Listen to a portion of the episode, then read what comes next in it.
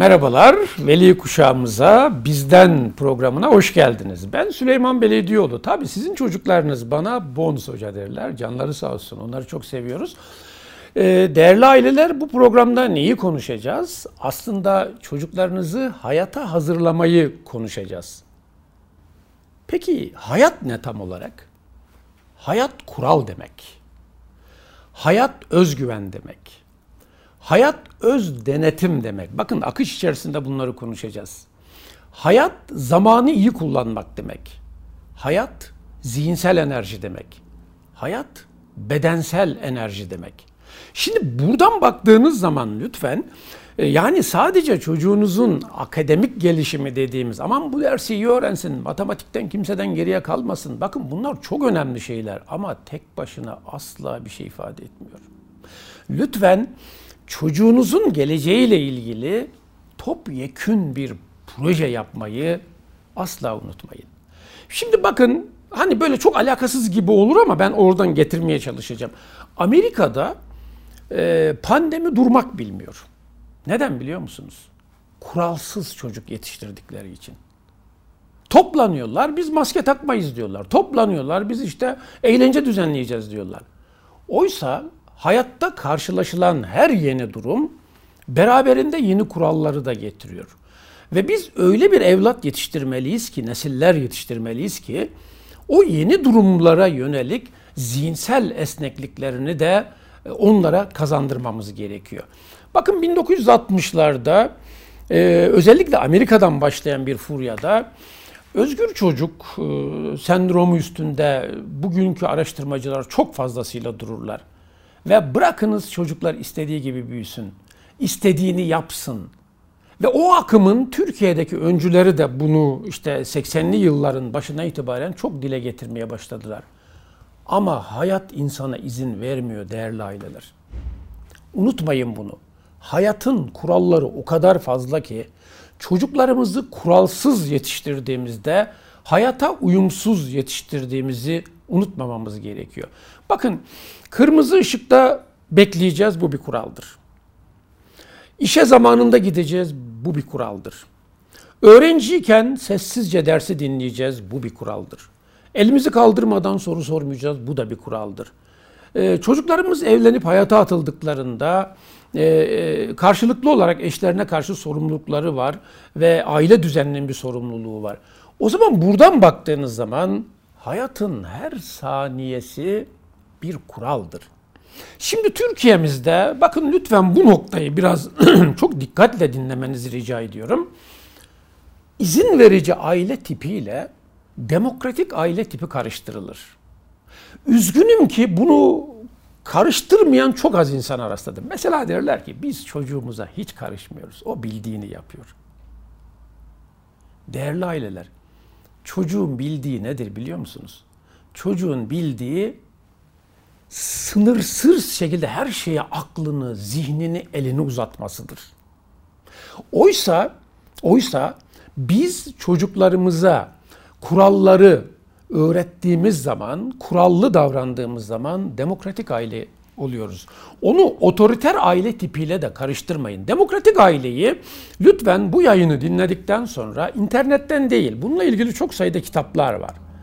O aileyi anlatan kitaplardan, yayınlardan demokratik aileyi dikkatlice bir inceler misiniz?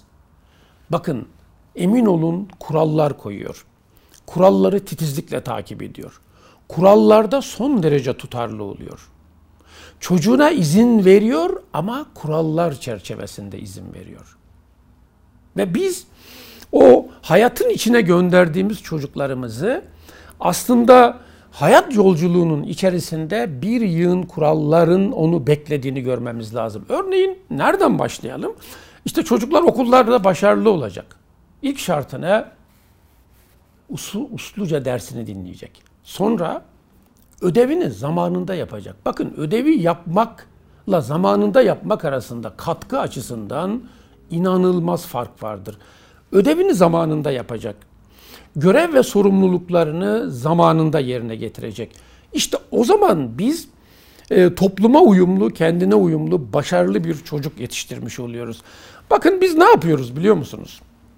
Çocuklarımızın küçükken kıyamayıp her istediğini yapıyoruz. Çocuğa aldığımız her hediye bir ödüldür. Ödül ne demek biliyor musunuz? Beynimizin haz bölgesini hareketlendiriyor. Lütfen anlattıklarımı kare kare e, al, e, yazmaya hatta not almaya çalışmanızı rica ediyorum. Şimdi siz küçük bir çocuğa hiçbir şey yapmadan durduk yere bir şey istiyor şak. Talep geliyor şak. Veriyorsunuz ya.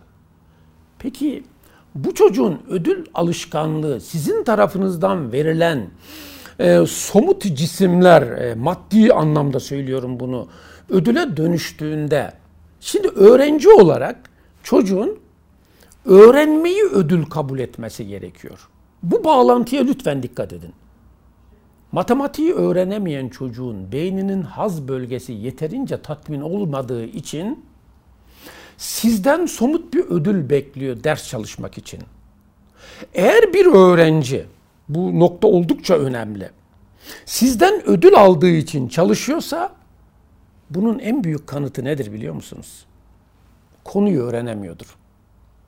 Bakın bütün dünyada o modern tıp biliminin de e, katkı sağlayarak üzerinde durduğu bu konuyu derin derin düşünmenizi rica ediyorum. Bakın beynin bir tane haz bölgesi var. Ama matematiği öğrenerek mutlu olacak. Örnek veriyorum sadece. Ama sizin tarafınızdan verilen somut ödüllerle mutlu olacak. Buyurun. Seçenek sizin.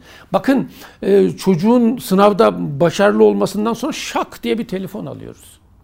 Ama o çocuğun sınavda zaten o konuyu yapması görevi değil mi? Bisikletçilerin rüyasıdır karne ödülü. Ben yıllardır karşı çıkmışımdır buna. Çocuk iyi karne getirdi diye ona ödül alacağız. Niye efendim? Onun görevi bu. Ama çocuk bir il genelinde sınavda birinci olduysa o, o, o görevi değildir. Buyurun bisikleti alın. Karne zamanı bisiklet ödülü. Deneme sınavı zamanı telefon ödülü. Üniversiteyi kazandığında ne alacaksınız? Biz bakın bugün Amerika'da e, Alfa Cohen diye çok önemli bir yazarın e, bir kitabı var. E, ödülle cezalandırmak diye. Bu Alfa Cohen'in kitabını eğer Türkçe çevrildi o. Ben e, öyle biliyorum. Türkçe çevrildi. Ödülle cezalandırmak. Niye biliyor musunuz? Orada şunu anlatıyor çocuğunuzun performansına yönelik yani konuyu öğrenme, ders çalışma, sınavlarda başarılı olmaya yönelik e, performansını köreltiyorsunuz. Çocuk nasıl bir ceza görüyor sonra işe giriyor. İşe girdiğinde patronu ona dakika başı bir ödül vermez ki. Çok büyük bir iş başarıyor. Ya da işte devlette çalışıyorsa müdürü ona her dakika ödül vermez ki aferin sen çok bir iş yaptın diye. Vermez. O görevidir. Biter. E bakın ondan sonra çocuk ulan beni kimse görmüyor de performans kaybına uğrar. Evlenir bir insanın eşi mütemadiyen e, e, kendisine iltifat eder mi? Etmez. Bir eleştirir de. Ama bizim eşimizden beklediğimiz ödülleri eşimiz de bize vermez. Çocuğumuz olur. Çocuğumuz kafamıza göre olmaz. O apayrı bir dünyanın insanı olur. E biz bunu da ödül olarak görmesek ne olur? Hayat bizi inanılmaz bir mutsuzlukla karşılar. Siz şimdi burada e, bunlara çok dikkat edin. Ve e, benim çok sevdiğim bir araştırmacı dünyada önemli bilim insanı şöyle söylüyor. Diyor ki bakın bu cümleye çok dikkat edin. Önemli bir bilgi bu. Dünyada sadece sınırsız özgürle ilkel canlılar sahiptir. Gelin beraber düşünelim. Bakın gece bir köpek sokakta uzun uzun havlar, ya insanlar uyanır şimdi ayıp olur ben havlamayayım der mi demez. Peki bir insan gecenin üçünde sokakta uzun uzun nara atar mı? Aklı başında bir insan atmaz. Niye? Ayıptır der ya. İnsanlar uyanır. Bakın siz dikkat edebiliyor musunuz? Mesela akıllı insan hızlı araba kullanmaz. Niye biliyor musunuz? Kendime zarar vermeyemin ötesinde benim başkasına zarar verme hakkım yok der. Ha, oradan hareket edeyim şimdi. Öz saygı. Öz saygı neyi biliyor musunuz? Bizim hatalarını sürekli yüzüne vurduğumuz çocuklarımızda öz saygı oluşmaz. Öz saygı kendini sevmedir. Peki bunun faydası ne? Bu özgüvenle biraz bitişik gibidir ama özgüvenden daha kıymetlidir emin olun. Niye biliyor musunuz? Şimdi siz kendinizi severseniz kendinize en iyi şeyleri layık görürsünüz. Dünyanın en başarılı insanlarının, siyasetçilerin, bilim insanlarının, sporcuların en büyük özelliği kendilerini sevmeleridir. Bunun ego ile alakası yok. Egoda bir savunma mekanizması var. O detaya girmeyeceğim.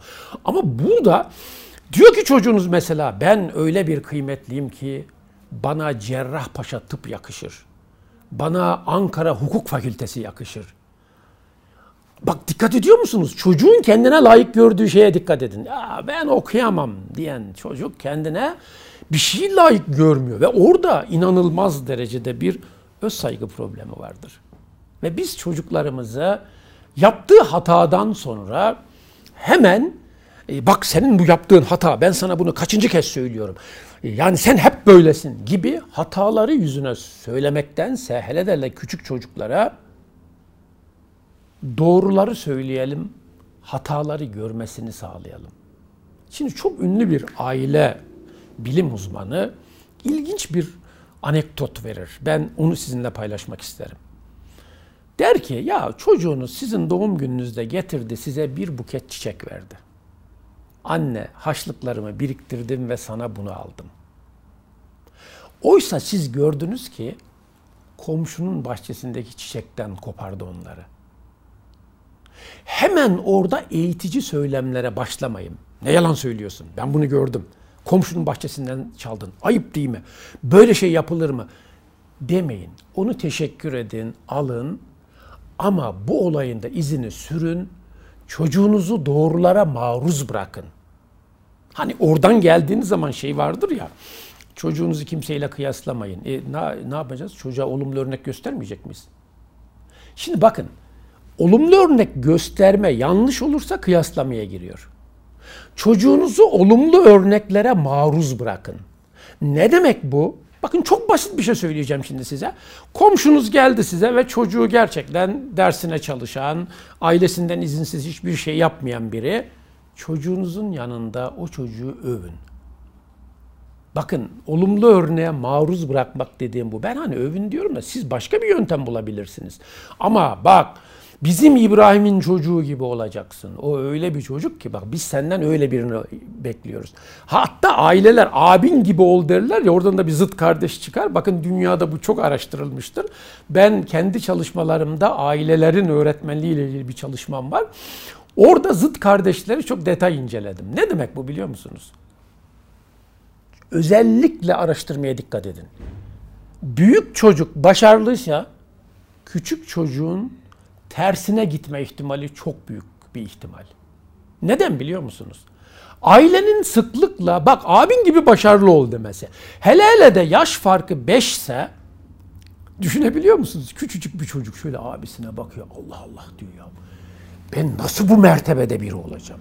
Küçük ya gözünde büyütüyor. Şimdi siz orada sakın ha anne babalar, sakın ha çocukları birbiriyle kıyaslamayın. Bakın ben en çok bunu yapıyorsunuz zaten. Örnek gösteriyorsunuz.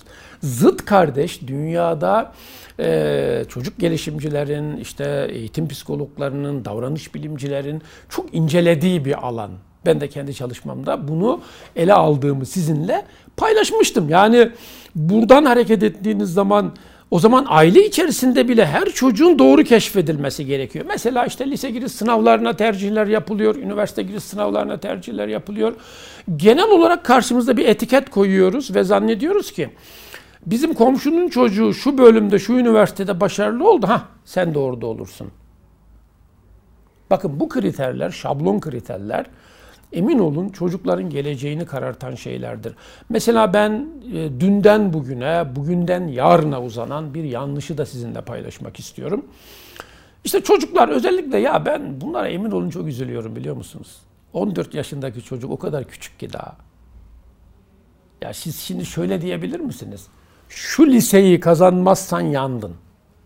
Bakın böyle diyorlar. Efendim e, lise giriş sınavının sonuçları öğrencinin bundan sonraki 65 yılını belirleyecek. Bunları duyuyorsunuz değil mi? Ne kadar yanlış ya. Bu ne demek? Ya liseye 200 bin kişi sınavla kazanıyorsa 1 milyon 500 bin kişi kazanamıyor. O zaman 1 milyon 500 bin kişilik bir nesil yok mu oluyor? Öyle bir şeyse bu ülkenin zaten çok değil 10 sene sonra ayakta kalma şansı yok. Böyle şeylere inanmayın. Bakın e, geçenlerde bir üniversitenin rektörüyle tanıştım. Uygulamalı Bilimler Üniversitesi bu. E, devlet üniversitesi. Ya titrine bir baktım hocanın. Nerelerde doktoralar yapmış, ne kadar çok makaleler yazmış. Hocam siz hangi liseden mezunsunuz dedim. Adana Yapı Meslek Lisesi'nden dedi. Anne babalar ibret alem için bunu dinleyin bakın. Koca bir üniversitenin rektörü. Bırakın hani onu bir tasarrufla gelmiştir. Tercih edilip oraya oturmuştur dersiniz. Ama titri çok büyük. Çok büyük araştırmalar yapmış. Dünya üniversitelerinde, Amerika'da, İngiltere'de, üniversitelerde bulunmuş. Ve dikkat edin Adana Fen Lisesi'ni kazanmamış. Adana Yapı Meslek Lisesi'ni kazanmış. Yani bizim çocuklarımızın şu okula ya da bu okula gittiğinde hayatları sona ermiyor. Hani o mesleki bilgilendirme anlamında küçük bir de üniversiteden verirsem içinde bulunduğumuz devir sistem becerileri devridir. Yani artık hangi bölümü bitirirseniz bitirin. Matematiksel mantıksal düşünme, fotoğrafın tamamını görebilme, iletişim becerisi, kendini ifade edebilme ön sıralarda geliyor. Şimdi önümüzdeki yüzyıla baktığınız zaman robotlarla insanların yan yana olduğu bir dünya tasarlanıyor. Beşinci endüstri devrimi dedikleri. Yani bir çocuk bugün arkeoloji bile bitirse bilgisayar teknolojisini çok iyi bilen biri olmak zorunda olduğunu hepimizin çok iyi bilmesi gerekiyor. Yani biz ya şimdi çocuklar mesela Türkiye'de İktisat mezunları, işletme mezunları iş bulamadığını söyler ama bilgi güvenliği teknolojisi, veri analisti, hatta çok ünlü bir CEO şey diyor e, veri için, veri nimet diyor. Müthiş bir cümle bu biliyor musunuz? Sektörler için veri bir nimettir. O zaman çocuğunuzun makine mühendisinde bitirse, işletmeyi de bitirse, kamuyu da bitirse, uluslararası da bitirse, bilgi güvenliği teknolojisi, veri analisti gibi alanlarda çok yetkin seviyeye gelmek için e, onu destekleyin. Gelebilmesi için onu lütfen destekleyin. Ya kısacası ne biliyor musunuz değerli velilerimiz? Anlık bir sonuca çocuğunuzu kurban etmeyin. Çok sert mi gitti cümle bilmiyorum ama bakın bir sınav sonucunda şu üniversiteyi kazandı. Geçenlerde Türkiye'de bir oyun Piak diye hatırlıyorum. Adını yanlış telaffuz ettiysem bağışlayın. Ee, yaklaşık 2 milyar dolara dünyanın en büyük satışını yaptılar. Ve ülkemizdeki 100 tane genç, şimdi dikkat edin, 100 genç Türkiye'deki 35 üniversiteden mezun. Ya hepinizin aklında şu üniversiteler yok mu? Hani yıldız ilk 10 üniversite vardır. İşte devletleri sayarsam Boğaziçi, İTÜ, ODTÜ vesaire. Hepsi oradan mezun değil ki. Bakın bir kısmı Trabzon'dan, Samsun'dan, Sivas'tan, Kırşehir'den, Niğde'den. O zaman e, mesele ne biliyor musunuz? Yol verin çocuklar ilerlesin. Ama biz hayatın kurallarına göre çocuk yetiştirmek zorundayız. Nerede susacağını, nerede konuşacağını, nerede ayağa kalkacağını, nerede itiraz edeceğini, nerede özür dileyeceğini, nerede kendi haklarını savunacağını bilen çocuklarla biz hayatta sürekli ilerleyen bir çocuk nesli yaratacağımızı da unutmayalım. Bakın e, istemeyi bilmek çok önemli.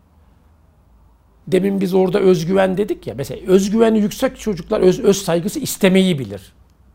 Reddetmeyi de bilir. Bazılarına karşılarsın derler ya asla reddetmeyi bilmiyor. Her şeyi kabul ediyor. Ne o biliyor musunuz? O öz saygı problemidir. Ben reddedersem beni sevmezler. Beni kabul etmezler zannediyor. Öz saygıya tekrar döndüm birkaç adım daha atayım. Öz saygısı düşük insanlar başkalarını mutlu etmek için sürekli kendi isteklerinden vazgeçerler. Bundan 4 sene önceydi. Ordu'da bir seminere gitmiştim. Seminerin sonunda bir öğrenci geldi, kız öğrenci yanıma. Yüreğimi sızlatan çok ilginç bir şey söyledi. Hocam dedi, bu fen lisesi öğrencisiydi. Ben dedi tıp okuduktan sonra bir de sosyoloji okuyacağım dedi. Yüzüne uzun uzun baktım. Niye ki kızım dedim. Hocam dedi ben tıp okumak istemiyorum ki dedi. Ben dünya çapında bir sosyolog olmak istiyorum. Ama ailem bana o kadar masraf etti ki o kadar dedi imkansızlıklar içinde beni okutuyor ki ben onlar tıp istiyor. Önce onları mutlu edeceğim. Onların mutluluğunu görünce de kendimi mutlu edeceğim. Değerli aileler, ben çocuğumuza şunu söyledim. Her anne babanın hayatta bir tane mürüvveti vardır. Çocuklarının sağlığı ve mutluluğu. Sen çocuğum annem babanla gene de konuş dedim. Bak ben bunu şu anda anlatırken siz görmüyorsunuz ama emin olun gözlerim doldu. Çünkü küçücük bir çocuğun aileye verdiği desteğe dikkat etmenizi rica ediyorum. Evet, bence güzel bir sohbet ettik sizinle. Ben Süleyman Belediyioğlu, öğrencilerinizin bonus hocası.